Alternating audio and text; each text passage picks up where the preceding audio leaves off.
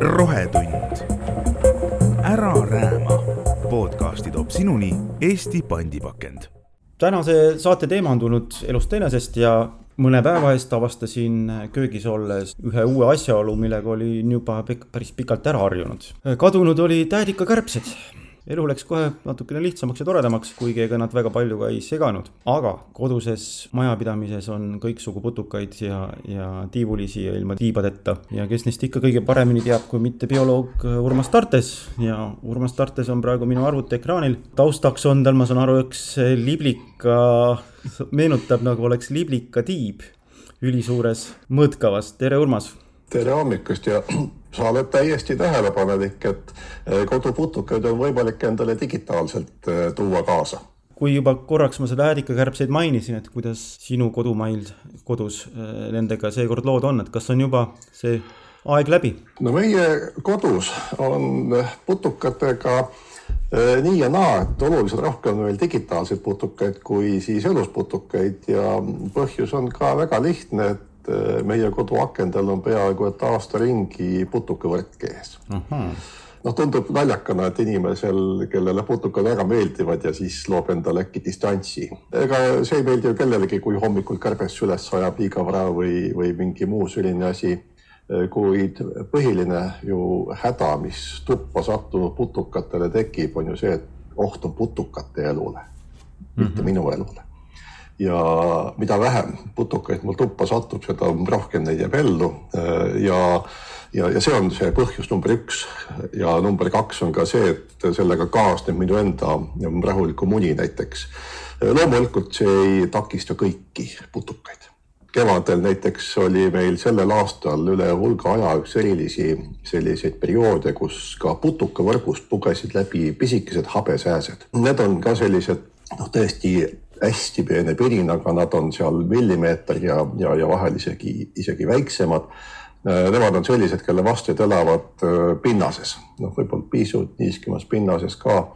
Äh, ja, ja, ja need olid paari nädala jooksul kohe hästi tüütud, sest vot kui sääsk, kui tuppa satub, noh, tuleb, sööb kõhu täis ja siis ta läheb kuskile seina peale või lakke puhkama ja edasi ta enam ei tülita kuid eh, kihulastel ja, ja, ja habesääskedel on natuke teistsugune söögitaktika, et eh, nemad võtavad, naksuvad siit ja naksuvad sealt ja kui natuke keerad ka poolt, siis nad lähevad peitu. et eh, nende see selline tüütuse, noh, tüütuse element söömise ajal on kestvam ja pikem, noh barbadega on samamoodi nii et ka putukavärk ei aidanud selleks, mhm. et siis nagu kogu, kogu seda putukamaailma väljaspool meid hoida, kuid Heidika Verpes on see teine näide, äh, kes satub ikka tuppa, kuid äh, tema kuulub nagu siis seda tüüpi putukate hulka, keda me ise oma igapäevaeluga uksest sisse toome. Hmm. tema meile niivõrd aknast üldse ei satugi, sest tema tuleb meile ikkagi ennekõike kas siis aiast toodud puuviljadega või ka poest ostetud puuviljadega, sest siin suve lõpupoolel on neil ju siis vaja ju ka sugu teha, sigida, muneda, et üle talve saaks kesta valmikuna nad üle talve elada ei saa. Ja siis nad munevad puuviljade peal ja mitte nad ei mune sellepärast, et neile puuviljad otseselt maitseksid, vaid nende vastsed hakkavad sööma siis äh, sellest nii-öelda pisut äh, juba käärima minevas äh, noh, mahlas kasvavaid seeni ja muid selliseid mikroorganisme, et ta otseselt ei olegi nii-öelda noh, taimtoitlane, vaid, vaid taimede peal kasvavate siis liikide loomad, noh loomadeks ei saa neid ju nimetada, ainu, ainuraksed nad on, nende, nende sööjad. Ja, ja sellepärast nad siis puuviljade peal ka on. Ja mm -hmm. suve lõpus on soe, nende areng kestab kiiresti, eriti toas on üks vastav ainult mõned päevad, nii et piisab sellest, et kui me toome poest õunu, seal on mõni muna äh, puuviljade peal, on nad ikka, nad seisavad meil ju kusagil laua peal paar päeva, enne kui otsa saavad ja siis nad meil lendavad. Ja teisalt, eks nad muidugi koduses majapidamises leiavad ka peale puuviljade teisi olemisi, et on ta siis kas kusagil natuke prügikastis või kusagil on mõni noh, näiteks äh, tass mahlaga jäänud seisma natuke pikemaks. selliseid kohti nad siis otsivad ja kasutavad ja nii, et see jäädikakärbes iseenesest on isegi natukene eksitav nimi. puuviljakärbes on nagu mõnes mõttes täpsem, aga see on ka noh, selline noh, kuidas öelda, pooltäpne nimetus. sa ütlesid, et nad on ka armastavad ka muid asju peale puuviljad, et kas nad võivad huvi tunda ka näiteks kilekotis asuva saiatüki vastu või leiva? ei, seda, ei sinna, sinnale ei lähe. sinna on juhuslikult sattunud. laiemas tähenduses, et noh, ka puuviljast tehtud asjad, noh mm -hmm. puuviljamaht näiteks samamoodi okay. või siis seesama veiniklaas, mis veevad kusagil pikemalt seisma. Need on ka lõpuks ju ikkagi noh, puuviljadest, marjadest tehtud asi mm, -hmm. et mhm. puuvilimari sobib ka loomulikult, kui me toome noh, see on nii-öelda selline noh, bioloogiliselt täpne nimetus, siis see on sellepärast ma ütlen, et ainult puuviljad neile ei, ei sobi, kuid põhimõtteliselt sellised need taimsed noh, siis viljad, mida me sööme, vot nende, nende nii-öelda siis käärimisel tekkinud elukeskkond on see, mis neile meeldib ja sobib. aga teisalt on muidugi nendega ju see, kuidas öelda, noh, mõnus aspekt ju, et nad üldjuhul mitte ei sega et nad on visuaalne selline ärritus jah, ja, ja, ja võib-olla tõesti, kui neid palju on, et siis nad võivad ka ju noh, aknad natuke mustemaks teha ja noh, selles mõttes, et nad ju eksperimenteerivad ka oma elu jooksul, et nagu kõik ju loomad seda teevad.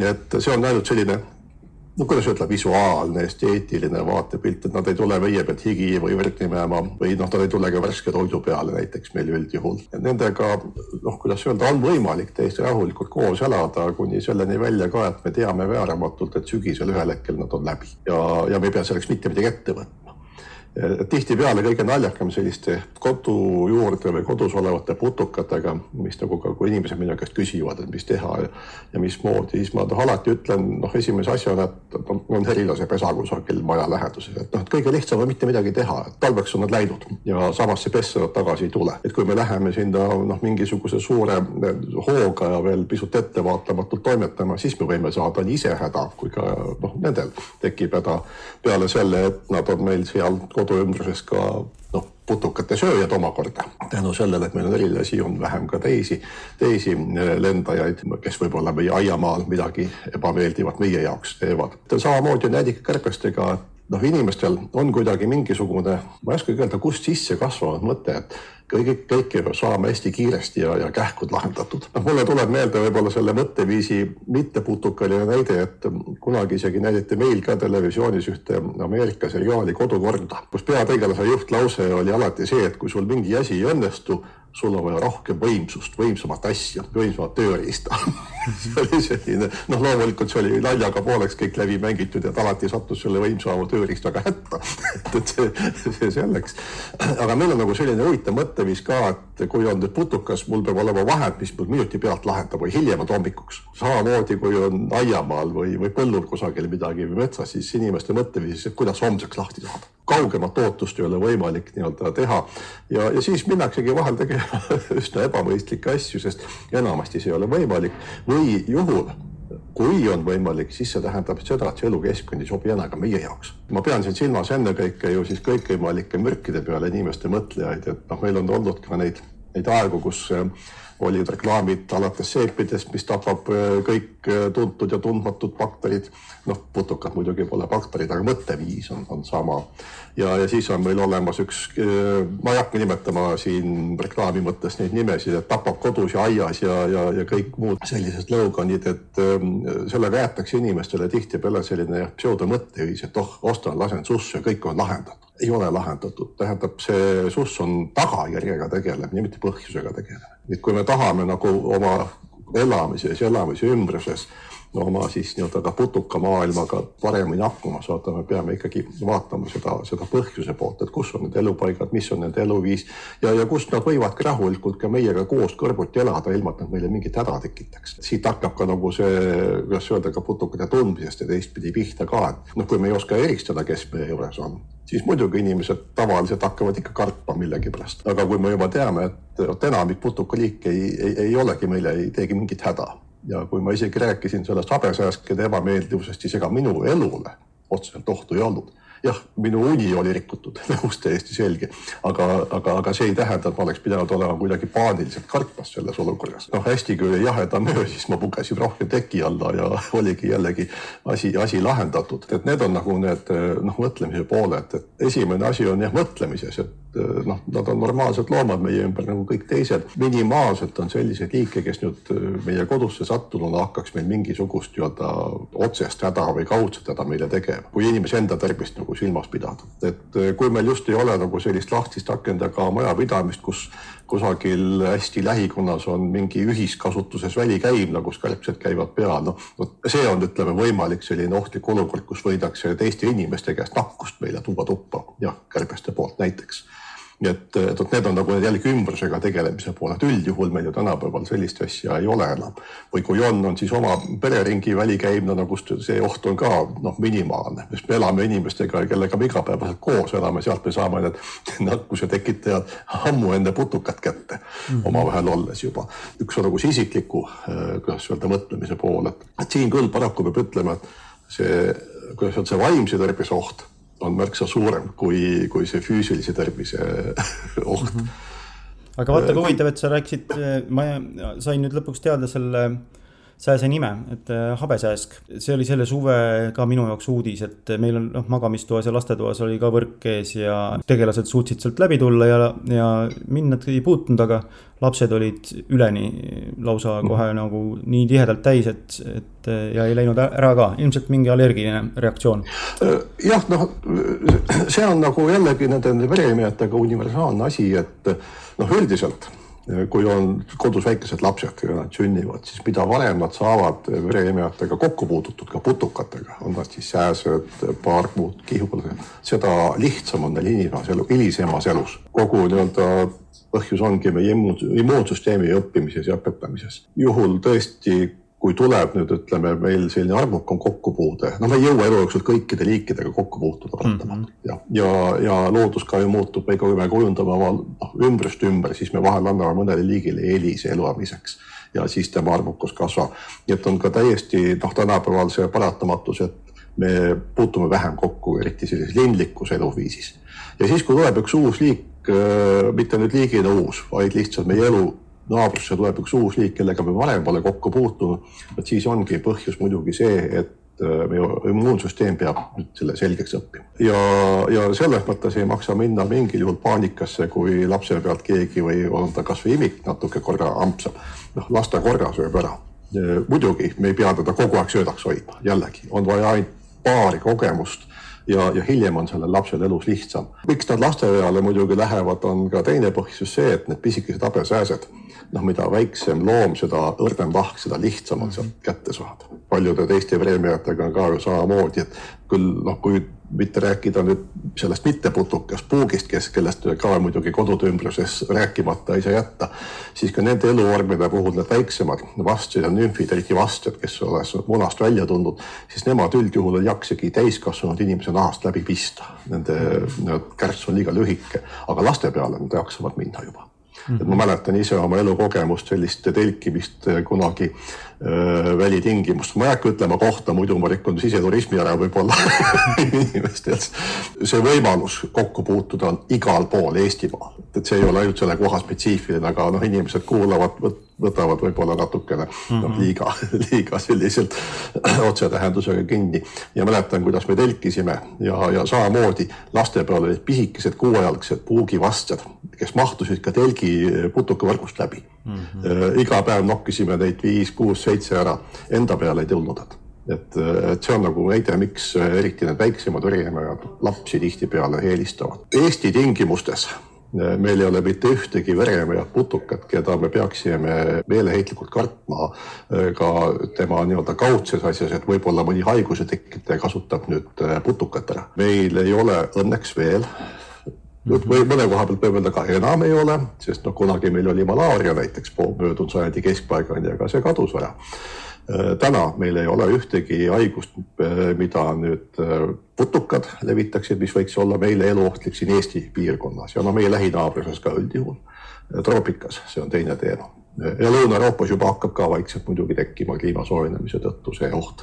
ja kui me rääkisime siin vahepeal ka puugist vot siis, kui on see kuuejalgne pisike puugivastne, noh, keda me isegi võib-olla ainult täpina näeme, siis tema käest me ei saa ka mitte midagi, mitte ühtegi haigust, sest tema veel ei ole ühegi looma pealt verd imemas käinud mm. -hmm. ja, ja kui ka laps peaks saama juhtumisi kokku näiteks entsefaliidi viirusega, siis lapsel mõjub see haigus reeglina noh, nii et me ei saa arugi, on mingi võib-olla väike nohu, väike palavikuloodne asi paar päeva ja läinud ja ta on elu jällegi kogu eluks ette valmistatud. kui me saame selle puugi nii-öelda entsefaliidi täiskasvanuna alles, vot siis me oleme hädas ja vot noh, siis meil on vaja, vaja igaks juhuks ennast ette valmistada vaktsiinide ja muude asjadega. põhimõtteliselt me nägime siin ka Covidi nii-öelda ajal ju sedasama asja, et lapsed said palju kergemini hakkama kui täiskasvanud mm. -hmm. loomulikult laias laastus hätta jääjad oli kõikides vanusrühmades, aga lihtsalt see suurem hätta jäänud hulk oli eakamate hulgas, kelle jaoks see oli täiesti uus viirus enne kui räägime teistest huvitavatest putukatest, küsin ka äädikakärbse kohta lisatarkust juurde. kas loogika järgi võiks olla kõige parem moodus neid mitte koju tuua siis? Ehk siis ost, kui puuvilja ostad, siis kohe nad ära pesta, need puuviljad. mitte, mitte alles mõne päeva pärast või, või kunagi. ja, tähendab loomulikult kohe pesemine vähendab ühest küljest, kuigi noh, tähendab üldiselt ju kõiki puuvilju, eriti kui me toome poest, siis me ju peame neid pesema, sest mm -hmm. nad on olnud ikkagi väga sellises mitmekesiste inimestega kokku puutunud noh, keskkonnas otseselt või kaudselt keegi aevastab näiteks ja nii edasi edasi, et see on normaalne, et me ei, poest ei ostetud puuvilja ei saa otse suhu panna.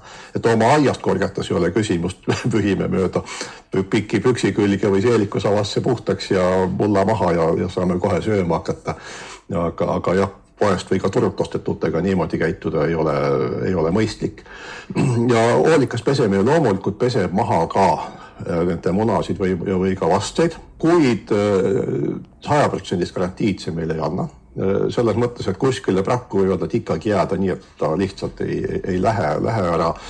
lahendus selliste üldiselt noh, meie kodus, meie, meie siis toidu peal elavate putukatega on ainuke see, et me ei tohigi tuua rohkem tuppa, kui me ütleme paari päeva jooksul ära sööme ja, ja, ja siis, siis neil ei tekigi nagu võimalust äh, noh, oma ärevutsüklit läbi käia ja, ja teisalt muidugi siis me saame ka väga väärtusliku äh, loomse valgu lisandi puuviljadele ka, kui me siis neid munasid ja vastseid koos pulja, puuviljadega sööme. kusjuures see on soovitus, mis meil, ma küll ütlesin äädikakärbsete osas, see kehtib ka kõikide teiste meie koduvanuliste osas, kes näiteks kuivainetesse tulevad mm. -hmm. erinevad libikaröövikud, margikate vastud, margikad ise. noh, nende elutsükkel on pikem, nad ei ole nüüd nii kiired kui äädikakärbsed ja nad on üldjuhul meile tulnud äh, soojematest maadest kohtadest, kus nad aasta ringi elavad. noh, inimese toas on võimalik aasta ringi tegutseda nendel.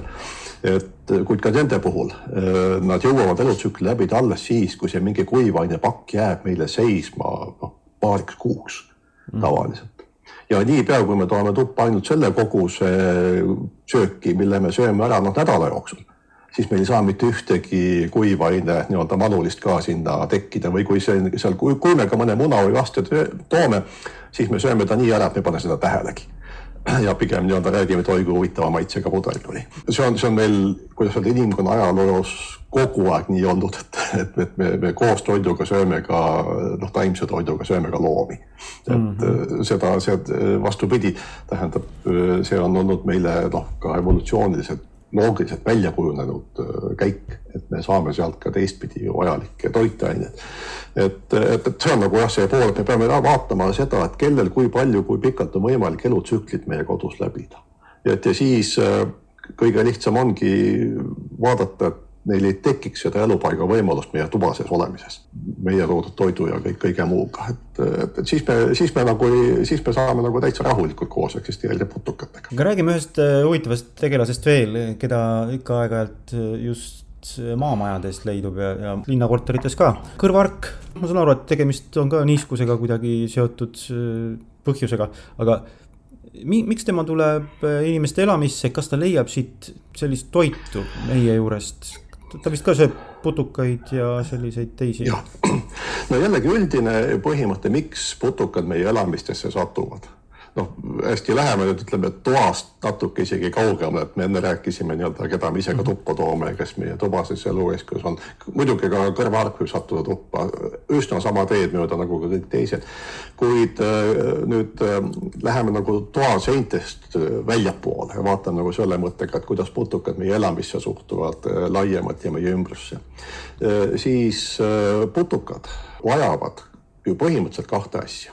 Nad vajavad toitu et oma elutsüklit läbida ja teisalt nad vajavad varjepaiku et minna peitu ajaks, kui nad ei saa aktiivselt tegutseda, on see siis näiteks mingi ööpäevane aktiivsuse vahe või siis ka talvitumiseks, talvitumispaikade leidmine, noh, mis peaks olema kohas, kus keegi ei pääse sööma, no mõni linnuke näiteks või, või mõni, mõni, mõni muu selline, selline loom. inimeste majad üldjuhul ongi sellised päris palju pragusid sisaldavad toredad kohad mis äh, loodusliku analoogiga võrreldes on nagu üks selline kuivanud, maha kukkunud äh, puu. noh, kõigepealt puu kuivab, siis ta püsib mm -hmm. pikalt nii-öelda püsti, koore alla tekivad praod, tema tüvesse tekivad, praod, erinevad õõnsused, seened söövad sinna käike, siis rähnid toksivad, siis kukub maha, seal on omakorda pragusid. et äh, inimese maja on väga sobilik talvitumispaik just nimelt sellistele putukatele, kes looduses vajavad erinevaid pragusid peitu pugemiseks ja see ei kehti ainult kõrvahargi suhtes ka väga noh, karpsed näiteks selline tuttav näide ja, ja keda tihtipeale tuleb, tuleb talvitama või siis jäädikakärbse sugulased, pöönikukärbsed, kes puuviljade peal ei ela, aga tulevad jällegi massiliselt tihtipeale talvitama. nüüd kõrvahargil on seesama lugu, et nemad vajavad selliseid pragulisi kohti, kuhu minna peitu. üldjuhul nad on rohkem ööloomad, vahel näeme neid ka päeval tegutsemas, aga valdavalt nad on ööloomad, nad on tõesti omnivoorid söövad nii taimset toitu, aga söövad ka putukaid. ehk siis iseenesest aiapidaja jaoks on ta pigem selline tore kaaslane äh, kusagil. Äh, ja nüüd, kui meil on näiteks mõni lind mõne õuna sisse toksinud augu, siis see auk on tema jaoks ka nii söögikoht kui ka peidupaik kõrvahargi jaoks mm. -hmm. ja kui me nüüd selle auguga õuna toome tuppa või mõne muu aiasaaduse, kus on mõni pragu sees, siis me toome ka kõrvaharki tuppa näiteks. vot kõrvahark meie toas jääb hätta kohe ja kiiresti tema ei oska ädikakärbse kombel meil oma siin elu korraldada. üldjuhul, mis on nagu putukate jaoks üks selliseid ohtlikuid asju meie tubades, on liigne kuivus tavaliselt, et kui maamajas äh, on noh, ka enam-vähem nagu normaalne, siis eriti sellistes keskküttega majades on ikkagi nende jaoks õhk liiga kuiv, ka talitumiseks liiga kuiv nii et kui me kõrvahargi peaksime leidma, siis kõige lihtsam ja, ja, ja, ja, ja mõnusam soovitus on see, et hoidke kodus tühi tikutops. Mitte nüüd see papist, aga kui leiate kusagil, noh, vanasti oli tal sihuke pisut nagu noh, vineerilaadsed, pisut tugevamad äh, topsid et tühi tikutops, kui see sahtli osa panna siis putukale peale, siis ettevaatlikult saab selle ümbrise sinna peale libistada, nii et putukas jääb sisse, me ei pea teda üldse kätega katsuma. see on kõige ohutum viis ka putuka jaoks teda kinni püüda ja siis me saame ta välja viia. Ja, ja me oleme täiesti rahulikud oma elamisega, noh, saame nagu edasi kulgeda, et meil ei ole mingisugust nagu sellist noh, muret, aga kõrvahark on inimese suhtes absoluutselt neutraalne putukas tema meiega ei, ei suhesta küll nagu troofiliselt midagi, et, et põhimõtteliselt jah, on võimalik ka, et inimese kõrvalest võib tema jaoks olla ka peidupaigalaadne praguline moodustis, kui me läheme magama kusagile noh, lakka, kus on palju äh, kõrvaharke või sellisesse kohta, et siis see ei ole välistatud, et ta võib sinna näiteks noh, sattuda pugeda öösel aga, aga ta ei lähe sinna meid ära sööma või jumal teab, mida meil tegema, nagu need hirmujutud ikka käivad. ta läheb peidupaika otsima ja teisalt ka tähendab äh, noh, see harp, mis tal sabas on, see on tal enesekaitsevahend, see ei ole tal ründevahend jällegi nii nagu inimesel ka, et kui me laseme inimesel rahus olla, siis ta ei tule meile agressiivselt kalle. noh, temaga samamoodi, kui elu eest on vaja seista noh, siis ka inimene ju hakkab seisma enda elu eest, et, äh, et see on tema loomulik käitumine. nii et äh, ta tuleb meile pragudesse tihtipeale ise nii-öelda elama äh, peitu pugema ja eriti hästi sobivad talle muidugi sellised maamajad, palkmajad, kus on näiteks küttepuuvarud ja nii edasi. ja, ja ka teisalt muidugi, ega ta nendes pragudes ei toitu, ta ikkagi valdavalt toidu saab meie aiamaalt Äh, siis äh, seal elavate teiste putukate näol ja seal tuleb temasse jah, või tasub suhtuda pigem kui sellisesse, tal on rohkem abilise nii-öelda rolli, kui et mingisuguse meie toidu konkurendi rolli. see huvitav ark, mis tal taga on, see on tegelikult päris hirmuäratav, kui mõelda, kui suur see on võrreldes tema kogu keha pikkusega. kas tema on natukene oma olemuselt siis nagu Eesti skorpion, et ta vajadusel võib sellega siis teisi oma konkurente susata või, või kuidas see käib? no tähendab jah, see ongi oma konkurentide hirmutamiseks, kuid tal on ka veel teine selline roll, näiteks seda, ma olen korra sattunud kokku sellisesse olukorda, kus kõrvhark maandub ja noh, lennust maandub ja, ja siis ta hakkab, peab noh, ma, peab oma need lennutiivad, mis on sellised suured killerad tiivad, pakkima kokku nende väikeste nahkjate ruudukeste alla, mis on kattetiibadeks. ja see on nii vahva vaatepilt, kuidas ta oma harki kasutab ka tiibade kokkupakkimisel abistava vahendina.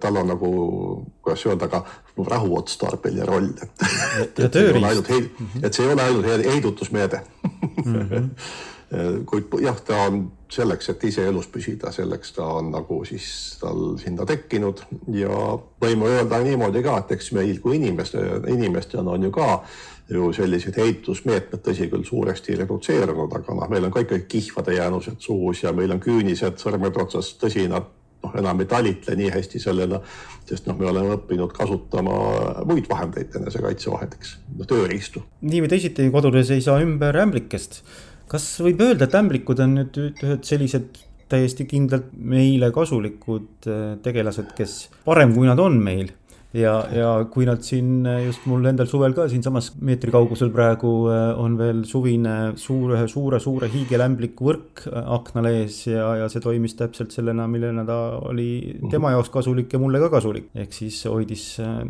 putukat köögist eemal ja tema sai kõhu täis. ämblikust vist enamik on meile ka kuidagi noh, selles mõttes positiivsed putukad, mitte et teised oleksid negatiivsed, aga ma mõtlen emotsionaalselt. inimesed küll arvavad, et, et nad on natukene kohutavad nende jaoks, aga see on ikkagi natukene rumal uskumus. jah, see, see kasuliku, kahjuliku jagamine on selline mm. asi, et looduses sellist asja ei ole. ainult siis, kui me loome mõnele liigile eelistatud eluvõimalused, anname rohkelt toitu ette ennekõike. ja, ja vähendame nüüd äh, selle mõne liigi ärasööjate hulka sealsamas, vot siis saab mõni liik võimaluse arvukalt sigida, no ja siis me hakkame nimetama teda siis selle K-tähelise sõnaga, mida mm -hmm. ma mhm. rohkem ei taha oma suule panna. me oleme aidanud ta nii arvukaks mm, -hmm. kuid nii arvukaks saavad kasvada ja kasvavad ainult siis reeglina taimtoidulised äh, putukad kiskjatega tuleb mängu juba see klassikaline looduse toiduahel, et kümme osa rahusööjaid, üks osa kiskjaid et kiskjate arvukus ei saa kunagi olla suurem või kasvada mõõtmatult suureks, kui tal jällegi ei ole süüa. ja vot nemad söövad siis juba nüüd neid teisi loomi, kes siis on taimtoidulised. jämblik on siis ka sellelaadne näide, kes on siis põhimõtteliselt ju loomariigis toiduahela suhtes kiskja, aga tema arvukus saab olla alati kuni kümnendik sellest, mis on tema potentsiaalsete saakloomade arvukus. ämblikega noh, on ju lugu niimoodi, et jällegi Eesti alal elavad ja üldse ka maailmas elavad ämblikud inimesega noh, toidu mõttes ei suhestu vähimalgi moel, nii et ämblik inimest, inimese käest midagi saaks või, või vajaks. On küll troopikas vastupidiseid näiteid, kus ämblikke süüakse, vihmametsades näiteks linnutapikuid äh, süüakse ja, ja, ja siis neid noh, näiteks röstitakse lekke-tule peal ja, ja, ja niipidi küll on seda suhet.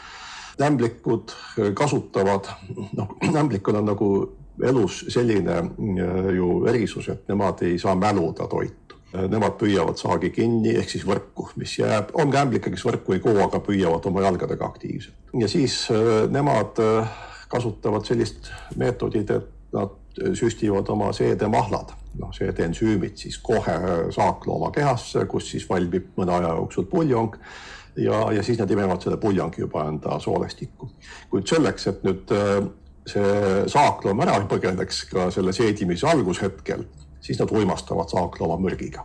Ehk siis nende mürk on selleks, et see saakloom vist loomast teha selline elus muumia, et ta, et ta, et ta jääks siis nii-öelda peale ka võrku mäh, mähkimist paigale ja rabeleks liiga palju. ja, ja siit siis tuleb ka see, see teine pool, et jah, kui on ämbliku elul oht, siis ta võib ka endast suuremat looma loomulikult äh, pista selle mürgiga ja kuid noh, Eesti alal jällegi ämblikud on enamalt jaolt sedavõrd väikesed, et nad ei jaksa meie nahastki läbi panna kõikidel ämblikul on mürginäärmed olemas, aga, aga jällegi nii nagu enne rääkisime, et see pisike puuk jaksab ainult väikesest võrgast nahast läbi pista, siis inimese nahk on kõikide, noh, enamike meie ämblike jaoks liiga suur. Ja ainult need suuremad ämblikud, noh, hästi tuntud siin Lääne-Eestis on Erias ämblik, näiteks nüüd meie hiljutine tuli ja suuremad risteämblikud, noh, võrkpallilaste seas on üks selline hästi suur ämblik Eestimaal, just Hiiumaal, Saaremaal, Lääne-Eestis ka noh, rahvakeeli nimetatakse kõpumustaks teda, et Kõpu poolsaarel on nagu teda suhteliselt palju, et kohe rohust puude lappa võib teha mitme meetri suuruseid võrke. noh, ise ta teab, mis suur ei olegi muidugi ka.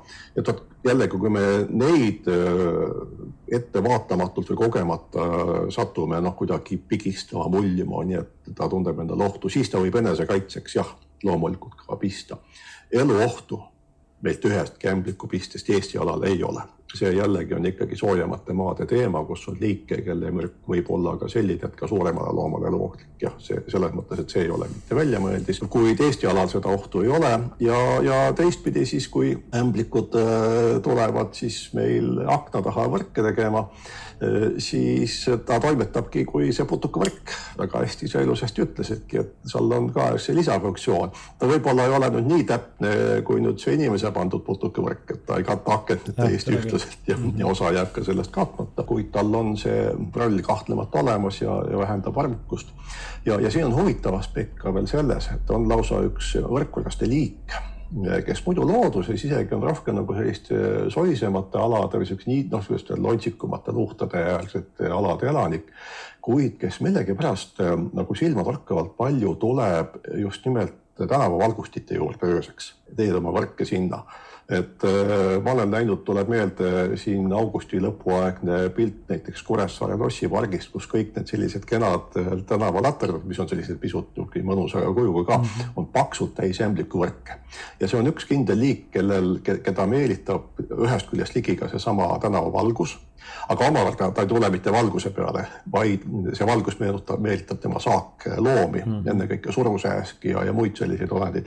minu enda kodu akna taga on ka neid, et neid palju, et nende üks iseloomulik tunnus on see, et nad, et neid võib olla lähestikku hästi palju et kui tavaliselt kiskjad on nagu üksikud elajad, noh peale selliste suuremate kariloomade kui lõvi ja hundikarjad kõrvale jätta, siis putukate seas üldjuhul on kiskjad loomad ikkagi üksikud hundid, aga nemad suudavad taluda nagu lähedal teisi liigikaaslasi ka päris hästi. sellepärast nad siis äh, võivadki nii-öelda hulgakesi ja kümnete kaupa lausa mõne tänavalaterna posti äh, ümber või selle valguse lähedal siis oma võrke teha ja, ja siis, kui me lähemalt vaatame, siis üks tüüpilisemaid putukaid, keda nagu kõige rohkem neil on, ongi surusääsed. see on ka teistpidi indikatsioon, miks neile just nagu veekogude ääres meeldib looduses olla, et seal on ka surusääski keskmiselt rohkem, aga muidugi ega kiskjale jaoks ei ole vahet, keda ta sööb, et kas tuleb surusääsk või toakarbes või, või tuleb mõni libikas. tema jaoks kõik, kes võrku kinni jääb ja kellest tal jõud üle käib, läheb söögiks. ja ämblikega on muidugi ka see lugu ka, et eks ka nende seas on neid, kes siis vahel vajavad talvitumiseks mõnda pragu, milleks inimese elamine pakub võimalusi võimalusi. Noh, alates meie ütleme maakodu juures puuriidast, saunast, kuurist kuni ka elamuni, kuid ka linnaruumis põhimõtteliselt ju isegi ka noh, Viimse malli järgi renoveeritud majas kusagil pöönningu laudade vahel on alati pisikesi pragusid või katuse all on pragusid, kus saavad ka putukad-mutukad tulla talvituma. noh, kui me noh, kusagil näiteks kodus noh, remonti teeme ja mingit sellist laudist lahti teeme, see on alati täis mingit tolmu ja putukate ja kest ja muid asju. noh, see, see kõik on see elu, mis on sinna tulnud äh, läbi, läbi aastate talvituma. Neisse tasub suhtuda kui sellisesse toredastesse kaaslejatesse, kes siis tulevad sööma neid loomi, kelle, keda, keda võib-olla me alati siis enda juures sellises armukuses näha ei taha. ja eks see on suhtumise küsimus, kuidas me üldse nii ka ämblikesse suhtume, et loomulikult Äh, ämblikud on tihtipeale selliste õudusjuttude kangelased ja, ja õudusfilmide kangelased ja, ja sealt siis muidugi see hirmulugu genereeritakse ja eriti veel ka ju seda, et ju tihtipeale inimesed noh, ei, ei, ei teagi ju ämblike bioloogiast väga palju. et igasuguse hirmutamise alus on ainult see, et me ei tea, mis toimub, me ei saa aru, mis toimub, ei oska ära tunda seda, seda toimuvat olukorda. ja, siis me ei oska käituda, kui me teame, siis noh, kuidas öelda, tähendab inimest, kes tunneb ämblikke, on võimatu ämblikega hirmutada see on, see on see lihtne asi ja, ja see kehtib ka kõiksugu muude hirmutamiste suhtes, kes teab, mismoodi asjad toimuvad, teda ei ole võimalik hirmutada ka siis, kui äh, noh, see olukord võib olla ohtlik iseenesest, aga ohtlik ja hirmutamine on erinevad asjad. hirmutamisest me räägime siis, kui meil ei ole põhjust äh, sellisel moel käituda. Äh, aga ohtlik on noh, ka loomulikult ohtlik võib ka hirmus olla, aga noh, ütleme mitte ükski inimene, vähemalt üldjuhul me ei karda surma, kuigi me teame, et me sureme, kes on loomulik eluosa ka. see on nagu see, noh, üldiselt teadmatus on see, see, see pool, et, et, et miks me hakkame mingeid asju, asju kartma. Ja, ja me ei tea, mismoodi nad teevad, et minu käest alati, kui keegi noh, küsib mingisuguse noh, leiab toast, kodust või, või maja lähedalt mingi looma esimene küsimus, kes on, teine küsimus on, aga mis ta mulle teeb? mis ta teeb mulle või mis ta teeb minu majale? See on selline kolm neljandikku küsimusi on sellised ja siis, kui ma seletangi noh, mida ta siis teeb, siis kõik inimesed reeglina rahunevad maha ja, ja isegi pooled nendest inimesest on valmis rahulikult ootama ka kuu aega, kui see asi noh, niikuinii see arvukus ära kaob. ämblikest veel, kas sellel võib ka olla selline kultuuriline taust või ütleme ka siis äh, religioonist äh, pärinev taust, et paljudel meie ämblikel on ka ristimärk peal. näiteks seesama ämblik, kes mul siin see akna taha tegi, temal oli, kui ma õigesti mäletan, kolm risti sellist visuaalselt tundusid ristina.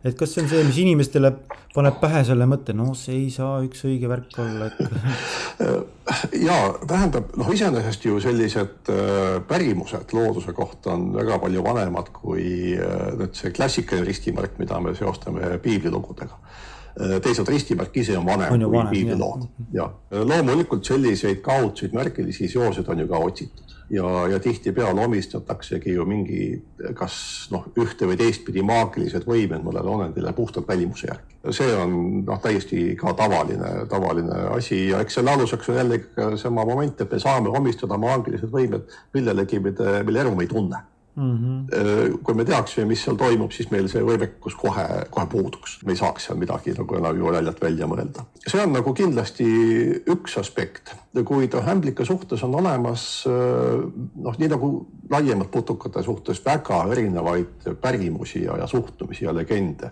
Noh, kasvõi piiblilugudest on teada ju, kuidas ämblik päästis ära nii-öelda, ma ei mäleta, kes nüüd oli, ühe positiivse tegelase, läks koopasse peitu, põgenes vaenlaste eest ja ämblik tegi kiiresti võrgu selle koopa suudme ette, nii et need jälitajad vaatasid, ohoo, et seal ei saa olla kedagi peidus, sest ämbliku võrk on terve. On olemas õnneämbliku mõiste. Kui tuua lähinäidet, siis kui mina väike olin, siis mulle tõi ämblik tõi padja alla kommi ja, ja ta oli, ämblikul oli väga suur eelis võrreldes päkapikkudega. päkapikud käivad ainult väikese osa aastast, aga ämblik tõi aasta ringi kommi. sõltub, kuidas me, kuidas me neid suhtumisi endasse oleme kujundanud ja, ja, ja, ja kujundame.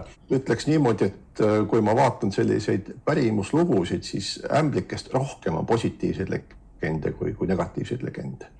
Ja, ja mulle tundub, et võimalik jälle, et see selline noh, õõnes asi, see loodusest võõrandumine on see, mis äh, meie noh, urbaniseeritud eluviisiga ennekõike aitab kaasa siis hirmulugude levimisele ja, ja, ja tekkimisele see nüüd ei ole küll otseselt koduga seotud, aga siiski me toome ka siin sügisel ilmselt kõik inimesed, kes vähegi metsas käivad, on seenel või mar marjul või niisama jalutamas, on põdrakärbsed. Nemad on üks äh, selline huvitav äh, liik, kes äh, nad, nad, nad on ikka nii tüütud, kui nad sul ikka sinna ukse vahele lähevad ja oled näiteks autoroolis teel metsas koju ja siis sa tunned, kuidas mööda selga läheb alla või ülespoole kas tema on nüüd selline, kes võib endal, ennast kuskile sinu sisse korraks niimoodi kinni jääda ja ei taha sealt mitte välja tulla, eriti kui tegemist on paksu juuksepahmakaga ja sa ei saa sealt seda kätte? noh, neid on nüüd meil jällegi tänu kliima soojenemisele kaks liiki, ehk siis äh, noh, silmaga vaadates põdrakärbeste aeg on läinud pikemaks, et kui tavaliselt põdrakärbeste aeg oli nagu noh, seenemetsaga seonduv asi, augusti mm -hmm. lõpp, september siis hirmekärbsed on meile tulnud juurde, kes on põhimõtteliselt näevad välja nagu põdrakärbs, aga nad on väiksemad ja nemad alustavad tegemist tegutsemisega juba suve keskpaigast. Nad võivad ka sügiseni olla, ehk siis kui ma käin ringi, siis ma näen päris ilusasti, et suuremaid ja väiksemaid noh, põdrakärbseid jutumärkides öelduna mm -hmm. tegutsevad nüüd nemad on sellised putukad, kes siis on noh, nad peavad verd imema, noh öeldakse mhm. obligatoorsed vereimejad ja nende käitumine seisneb siis või käib, toimub niimoodi, et nad otsivad siis saaklooma, maanduvad ja siis nad ise rebivad endalt tiivad küljest selleks, et siis lihtsamini minna karvade vahele kusagile peitu. ja siis nad jäävadki selle looma peale senikaua, kuni kõht täis saab ja, ja nad saavad munema hakata, seal looma peal toimub ka paaritumine. üldiselt mõlemad no, sugupooled vajavad ju, vajavad ju ka süüa ja sellepärast neile sellised karvased kohad noh, inimese puhul pea ja noh, karmaseid kohti mujal ka mm -hmm. meeldivad eriti hästi, sest seal saab kinni võtta paremini kui, kui, kui mujalt. noh, üldiselt ega nad noh, nende see vere imemise alustamine võtab omajagu aega, et äh, mul ei ole veel juhtunud ühtegi korda, et üks põdrakärbes oleks saanud verd imema hakata varem kui või enne seda, kui mina olen tema avastanud endale mm. -hmm. Nad võivad küll kõndida siin-seal ja, ja jällegi noh, hästi noh, loomulikult niipea kui meie peas keegi kõnnib, me ei tea, kes see on see teadmatus on ka muidugi see, mis tekitab mingit sellist ohutunnet meil alati, mis on loomulik ja tähendab teadmatu või tundmatu olukorraga kokku puutudes me tunneme ennast ebamugavalt. see on, see on meile väga loogiliselt sisse kasvanud evolutsiooni refleks. Kuid noh, jällegi siis äh, seda tundmatut olukorda aitab nii-öelda esiteks äh, noh, tuntuks saada see, et aga noh, kes meil siis seal tõenäoliselt on see, kes on see kõige suurem tõenäosus. Teine olukord on see, et ükskõik, kes meil siin ka juustes kuskil krabistaks, meie elule ei ole mitte ühestki nendest ohtu mm.. mitte vähemal määral, noh, jätame need allergilised erijuhtumid kõrvale, eks neid on alati läbi aegade olnud ja neid looduslik valik üldjuhul kõrvastas ka ära omal ajal, noh, tänapäeval meditsiin aitab pikemalt kesta. aga noh, ma saan rääkida ikkagi sellest üldisest seaduspärasusest, mis on. Ja me, nagu teine mõtlemine ka, et ükskõik, kes kõnnib, meil ei ole ohtu meie elule, mitte ühestki nii-öelda siis pisi-pisiloomast kes meile võiks, võiks nii-öelda sattuda juustesse kuskile või kuskile kiha või riiete vahele. et jah, kõditab natuke edasi-edasi järgmisena polegi ju mitte midagi muud, kui mis on nagu see tavaline ju ka metsas käigu järgne tegevus on see, et me vahetame ära riided, vaatame ennast üle, et kas meil on keegi siis keha peal või ei ole. ja, ja mitte ainult, et see ei ole naljaga poleks öeldud, et see ongi täiesti vajalik asi ka noh, me peame vaatama, kas meil puuk kaasa tulnud näiteks, et see on see number üks vaatamise koht, sest sealt on meil võimalus saada noh, borrelioos näiteks, mis on ebamugav haigus, mida saab ravida hästi entsefaliidi vastu saame vaktsineerida, selles mõttes sellist elulist ohtu jällegi meil puugist otseselt ei ole, kui me saame õigel ajal jälile. aga kõige parem on vaadata, et ta ei pääseks võrdlemine ja mitte ükski noh, selline, selline loom. et vaatame ära ja ongi, ongi nagu rahu majas. Äh, mis on nüüd põõnakärbestega see eriline huvitav aspekt nüüd ka, et noh, nende aktiivsus on ju selline, et nad on noh, mõneti nagu noh, nimetatakse oportunistid ehk siis tegutsevad senikaua, kuni saavad et nad lennata saavad kuni noh, on piisavalt soojad õhtud ilmad. et miks me neid nagu sellel suvel nüüd oleme eriti palju näinud ja on, on ka üks väga lihtne põhjus. et kuni viimase ajani olid meil erakordselt soojad ööd. et siin ka äh, ilmateadlased on ju seda öelnud ilusasti, et eriline august oli ka selles mõttes, et öine temperatuur oli hästi kõrge miks me sellest öisest temperatuurist räägime, on see, et noh, selline rusikareegel on kümme kraadi, noh, pluss-miinus natukene, kümme, kaksteist kraadi, sõltub liigist, natuke sõltub kohast.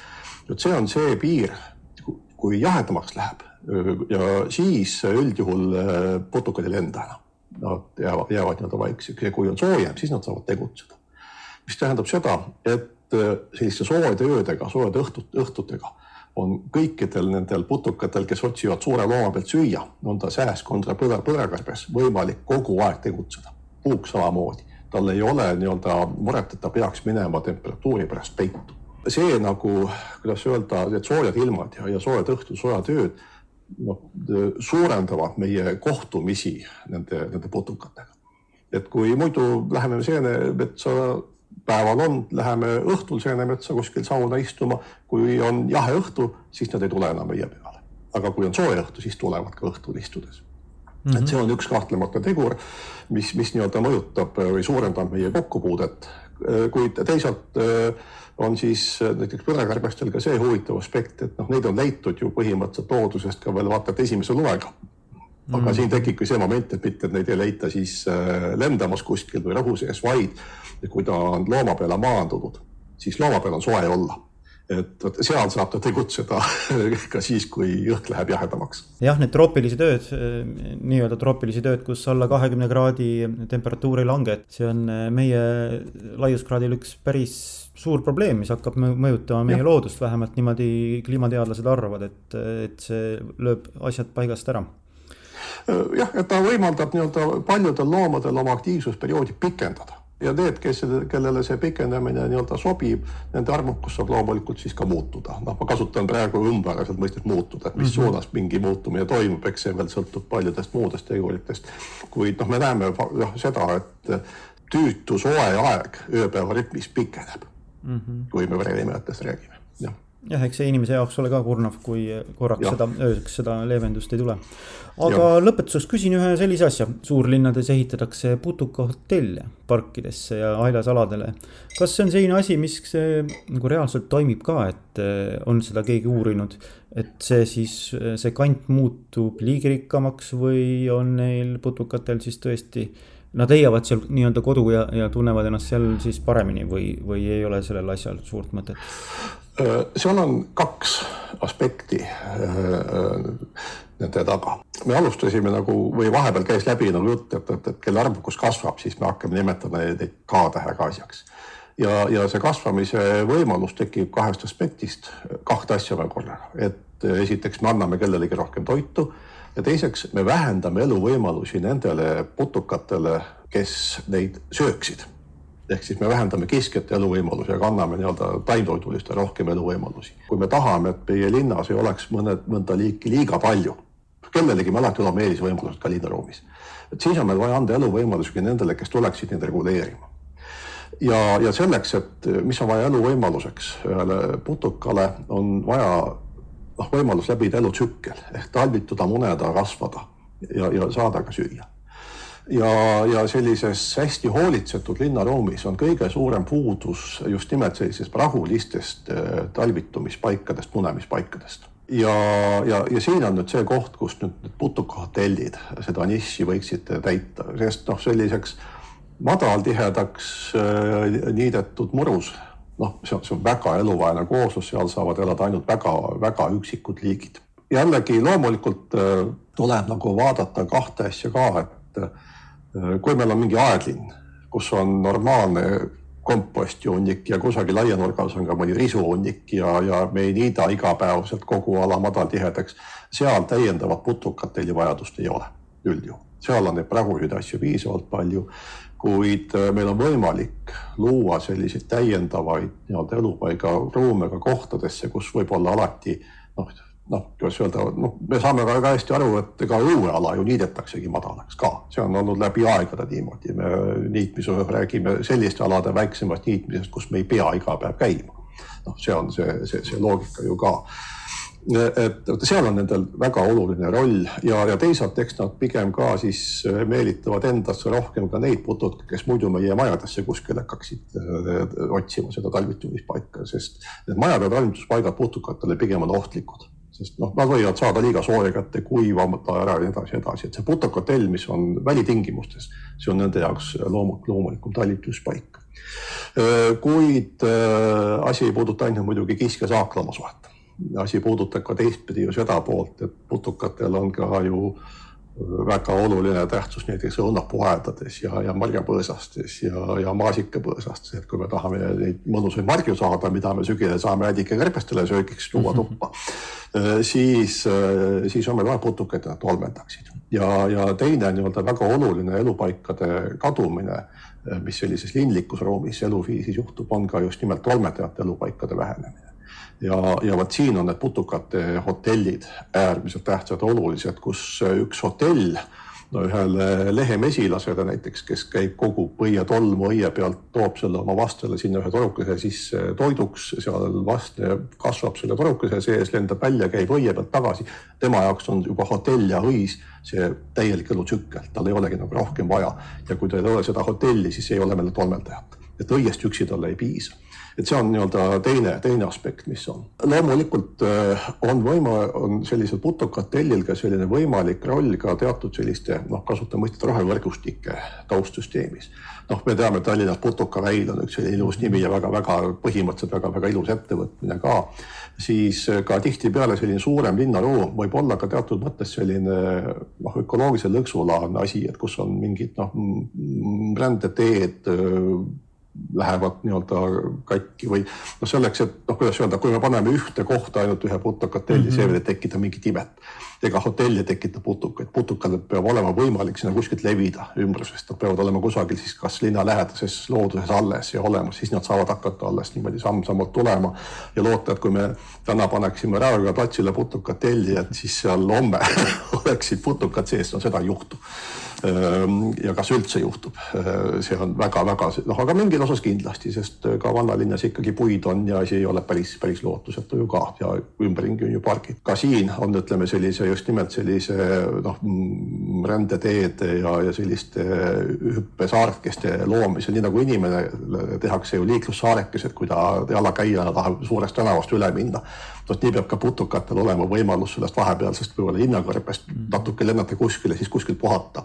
ja, ja nüüd putukahotellide juurde ma kohe tooksin juurde pigem just nimelt ka siia, ütleme, mõned putukapeenrad või sellised noh, ka rohealad, kus siis nii-öelda jäetakse ka kasvama taimi, kes, kus just nimelt putukad saavad kas süüa või ka peituda ehk ka üks selline, selline lillepeenarv või ka, või ka haljasala, kus siis äh, hooldatakse putukasõbralikult seda, on samasugune putukahotell oma olemuselt et ta ei pea ilmtingimata olema see visuaalselt seina peale pandud äh, tehisasi. et saab ka sellise poollooduslike ja looduslike vahenditega seda, seda kujundada. et, ka, ka sealt tuleb, ütleme see selliste just nimelt nende siis ohutussaarekeste lugu äh, siis ka linnaruumis liikumiseks putukatele. ja, ja kolmas aspekt on loomulikult siin ka see, et ta suunab inimeste tähelepanu Mm -hmm. see on üks selline reaalne asi, mida on võimalik oma käega ära teha ja mis tõepoolest ka reaalselt aitab. ja isegi siis, kui me võib-olla paneme ka mõnes mõttes äh, ta noh, kohta, kus meil võib-olla naabruses ei ole see asi piisavalt hästi tehtud, aga see on ikkagi üks samm edasi kui paneme ise valeks peame, naaber, noh naabrist peab ju olema parem. kui naabril on protokoll, peab ka minul olema ja, ja niimoodi need asjad ühel hetkel, ühel hetkel hakkavad ka minema ja kujunema. et, et meil tekib nagu ka seeläbi oskus ja tahtmine ja, ja ka võimekus putukatega koos elada mis on just nimelt see vaimse suhtumise poole pealt, kui me siin jutu alguses räägime nendest hirmudest ja, ja, ja muudest asjadest. ja, ja loomulikult on putukohteliga üks oht ka, loomulikult. nii nagu kõikidel asjadel, et, et nii kui vahel inimesed hakkavad ikka oma karvavõlga tasuma, kas siis hulkuvate kasside toitmisega näiteks mm -hmm. või hulkuvad lemmikloomade toitmisega ja pärast imestavad, miks oma maja lähedal puuke on eks et, et kes nad tõid, ikka need hulkuvad loomad toovad nad sinna ju. või siis panevad endale, ostavad kaktusepoti laua peale ja need hoolitsevad looduse eest aknalaua peal.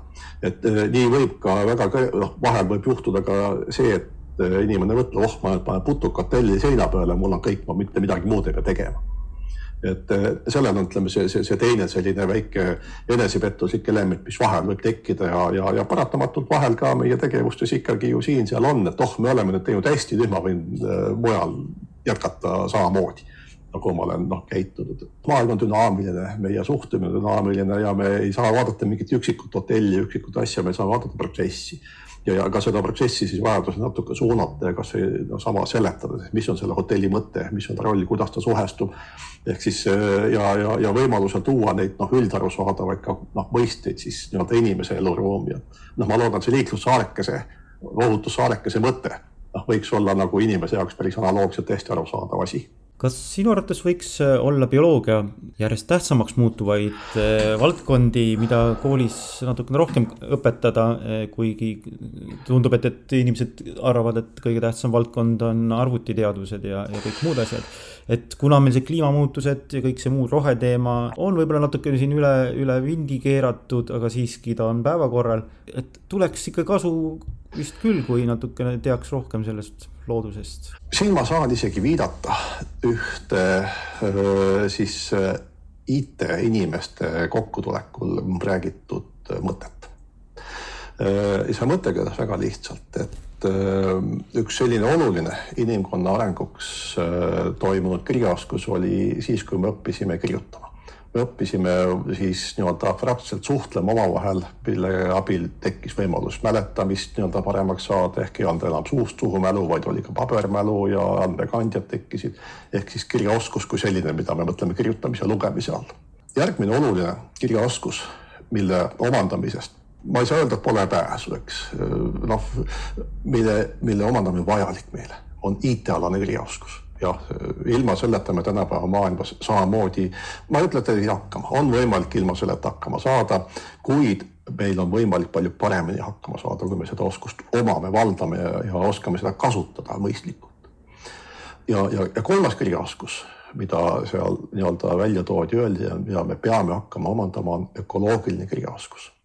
Ka ilma selleta meil ei ole võimalik siin maailmas elada, kas juba sellel lihtsal põhjusel, et meil ei ole võimalik panna iga inimese taha politseinik, et ta jälgiks, et ta mingit paha tempu ei teeks mm. -hmm põhimõtteliselt see ei ole võimalik, ükski ühiskond ei ole võimeline toimima selliselt, et on mingisugune kontrollimehhanism on võimsam, suuremat ressurssi nõudev kui see ärahoitav häda.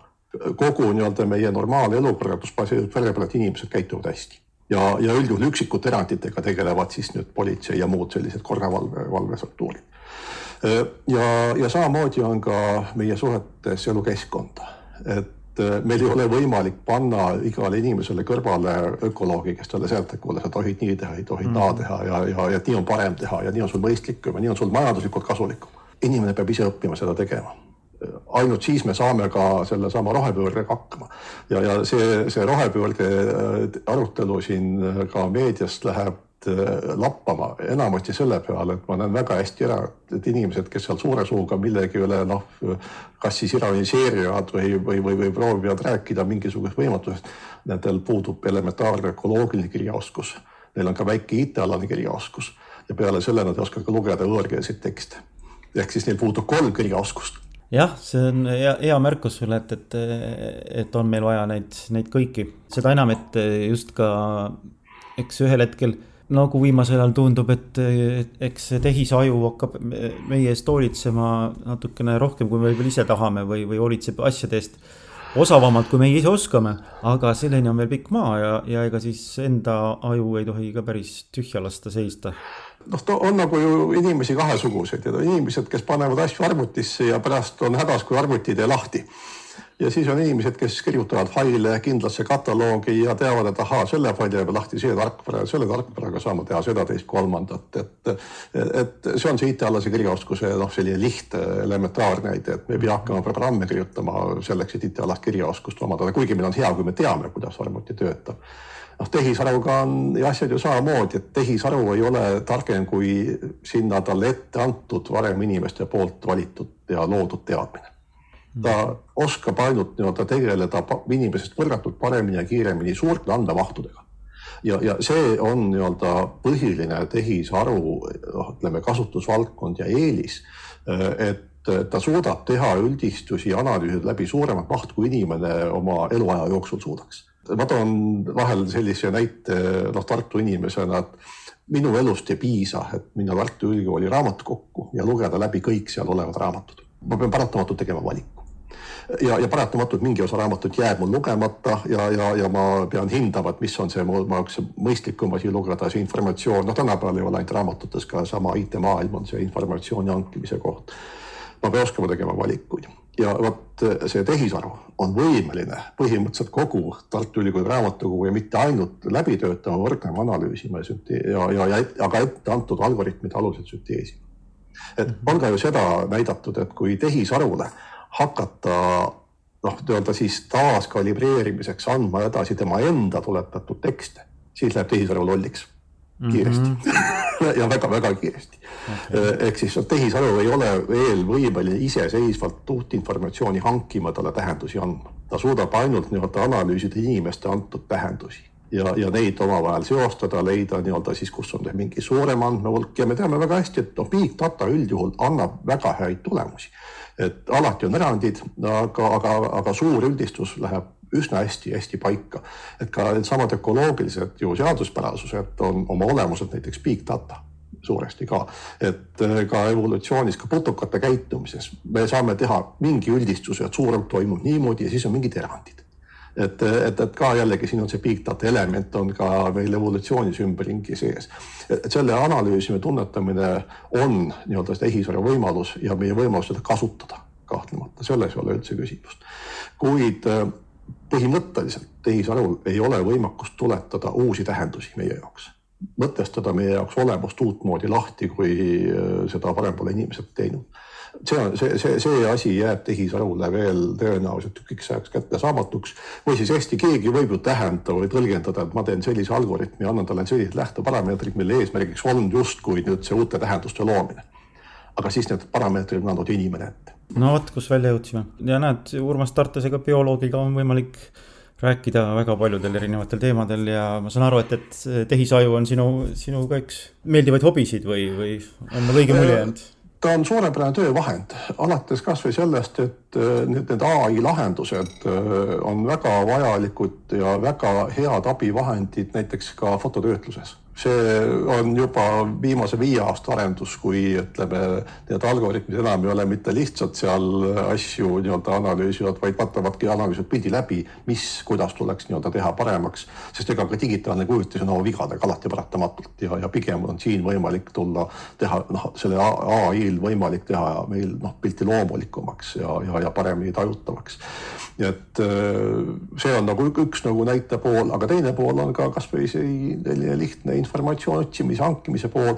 et võtame kasvõi lihtsa Google'i otsingu, et on inimesi, kes ei leia Google'i abil informatsiooni ja on neid, kes leiavad ja see, see, see tehisaru äh, abistav roll seal otsingute taga ja kus minu poolt sõnastatud küsimus või otsing on see, mis aitab mind kas lähemale sellele soovitud informatsioonile või viib kaugemale äh, see on, see on meil juba ka olnud päris pikki aastaid siin taga ja, ja loomulikult äh, vahel siis inimesed ütlevad, oh näed nüüd Google otsustab minu eest, ei otsusta midagi, mul on võimalik Google'ile öelda, mida ma tahan ja siis tema teeb seda, mina, mida mina tahan, mitte, mitte niimoodi, et tema annab minu eest.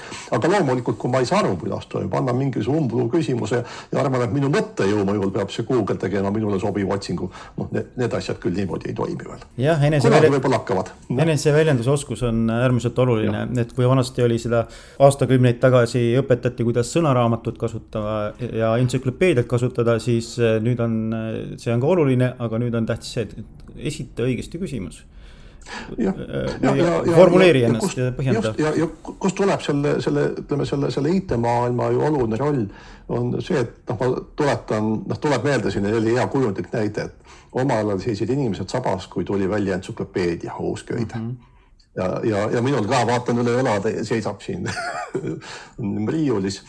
Ja, ja kui sa küsiksid, millal ma viimati ta lahti tegin, ei ole vajadust, punkt üks ja punkt kaks on see, et eh, noh, ka entsüklopeedia ju anti taas ja taas ja taas välja, sellepärast informatsioon täieneb, meie teadmised täienevad, meie tähendused täiendavad.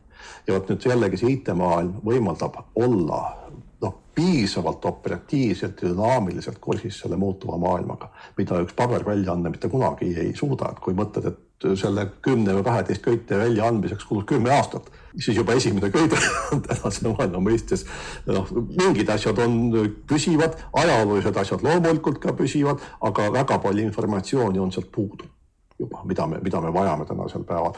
et kasvõi see muutuste kiirus meie ümber on ju eriti, ütleme, me saame isegi ju nii huvitav, kui see ei ole, et kuigi aja arvamine on ju suhteliselt noh, kokkuleppeline küsimus, et noh, aasta kaks tuhat või noh, või, kümme tuhat, eks, kes vajab jääaja lõppumisest, arvab seda, kes paneb selle kistluse sünniga ja on veel, veel mõni muu võimalus, siis, siis see, see sajandivahetus huvitaval kombel on nagu teatud määras üks, üks selline piirikoht küll, kust nagu need muutuste kiirused nii meie elukeskkonnas ökoloogilised muutused, ka inimeste enda olemise muutused on oluliselt kiiremad, kui nad olid võib-olla möödunud aastatuhande jooksul mm. -hmm.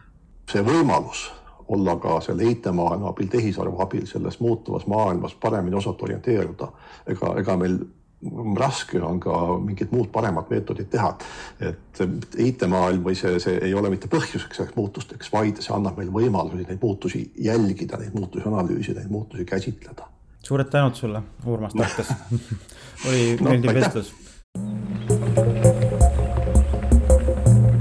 rohetund, ära rääma. podcasti toob sinuni Eesti pandipakend